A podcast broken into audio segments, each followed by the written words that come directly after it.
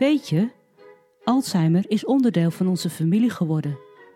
Hij trapt binnen en woont nu sinds een paar jaar bij mijn ouders thuis. En waar mijn vader gaat, gaat hij ook. Wij moeten dus Alzheimer accepteren en integreren in ons leven. Tja, dit vinden we best wel lastig. Hoe gaan we hiermee om? Een weg terug is er niet.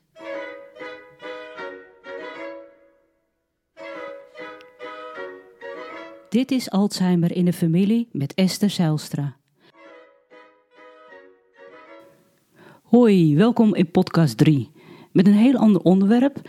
Ik ga het hebben over vistix. niet om reclame te maken, uh, niet om mijn vader belachelijk te maken, hoewel ik hier wel een beetje om kan lachen om deze situatie. Maar ik wil aan jullie vertellen dat het zien en eten van voedsel niet altijd voorspellend is. En nou, moet ik ook meteen spontaan denken aan, uh, aan van de week. Mijn vader had toen een zoetje op. En dan denk je, zoetje, uh. ja, ik in ieder geval, ik vind het zo vies. Als je ooit dat per ongeluk hebt geproefd, weet je hoe vies dat is. Meer zoet, maar er zit ook iets chemisch aan. Maar goed, mijn vader uh, ja, deed het op en, en ik zag zijn mond niet wegtrekken. Dus ja, blijkbaar vond hij het wel lekker. Goed, terug naar de vissticks.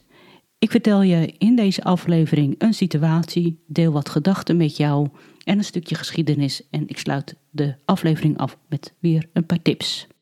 Mijn moeder vertelde aan mij dat ze net nadat ze was opgestaan, gedoucht, je kent dat ritueeltje wel, op het bureau van mijn vader een halve visstick zag liggen. Ondooid. Ze heeft dat toen opgeruimd, maar ze kon het ook echt niet laten om in de vriezer te gaan kijken.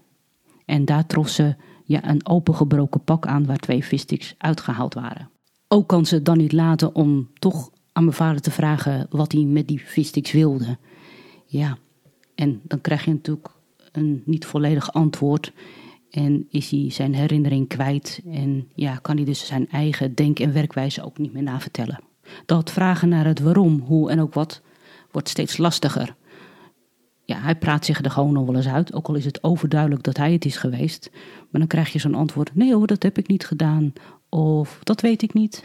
Je krijgt soms het gevoel dat je te maken hebt met de ontkenning van een kind. Ja, en eigenlijk werd vroeger Alzheimer kinds genoemd. Gelukkig is dat wel een beetje anders, want het is natuurlijk niet een kind. Reageert misschien wel als een kind, maar ik vind het eigenlijk wel fijn dat dat woord kinds ja, niet meer wordt gebruikt. Goed, ook legt mijn vader de verantwoordelijkheid onbewust soms bij de ander. En dan krijg je die zinnen als, maar jij hebt toch, dat was jouw schuld, allemaal dat soort dingetjes. En heel soms beseft hij dat hij niet alles meer kan oplossen, combineren en ja, op iets antwoord kan geven. En dat hij dus een antwoord paraat heeft. Want mijn vader had altijd een antwoord. Hij kletste zich er altijd wel uit. Dus als hij zegt, soms doen mensen rare dingen, bedoelt hij zichzelf. En proef je een stukje emotie en een stukje, ja, onmacht. Hij voelt dus dat hij dus iets niet meer zo goed kan. Weer terug naar de vissticks, de overgebleven vissticks, heeft mijn moeder s'avonds gebakken. En ze hebben het met z'n tweetjes heerlijk opgegeten. Maar zij denkt dat mijn vader de vissticks heeft aangezien voor ijs. Dus hij heeft die vissticks dus ook koud opgegeten. En dat stukje wat op zijn bureau lag was natuurlijk ontdooid, maar dat was eerst koud. Goed, ijs was en is nog steeds zijn favoriete snack en toetje. Volgens mij aten wij vroeger bijna elke week ijs. In Alkmaar, als we daar als gezin gingen winkelen, Jamin en Van der Laan waren heel erg populair. Of op zondagavond na het eten werd er ijs uit de vriezer gehaald of gingen we soft thuis bij de snackbar halen. En nu ik het over ijs heb, schiet bij mij ook nog een hele leuke herinnering te binnen. Het was winter en mijn vader vroeg na het warm eten om ijs. En ik weet eigenlijk niet meer zo goed wat mijn moeder allemaal zei en deed. Wel dat ze een plastic bakje uit de la haalde en aan mijn oudste zus vroeg om mee te komen naar de bijkeuken. Nou, daar was wel wat gerommel. Nou ja, misschien vermoed je het al. Ze kwam terug met een bak vol sneeuw. En die bak werd een ware, lollige, gezellige sneeuwballengevecht in de keuken. Over herinneringen gesproken, ik wil je van harte deze tips geven. Als jong gezin, maak deze herinneringen. Ze worden dus na 40 jaar nog herinnerd en dus ook genoemd. Tip 2. Als mantelzorger, familielid, bespreek de herinneringen met elkaar. Hoe klein ze ook zijn en ja, beleef ze even opnieuw.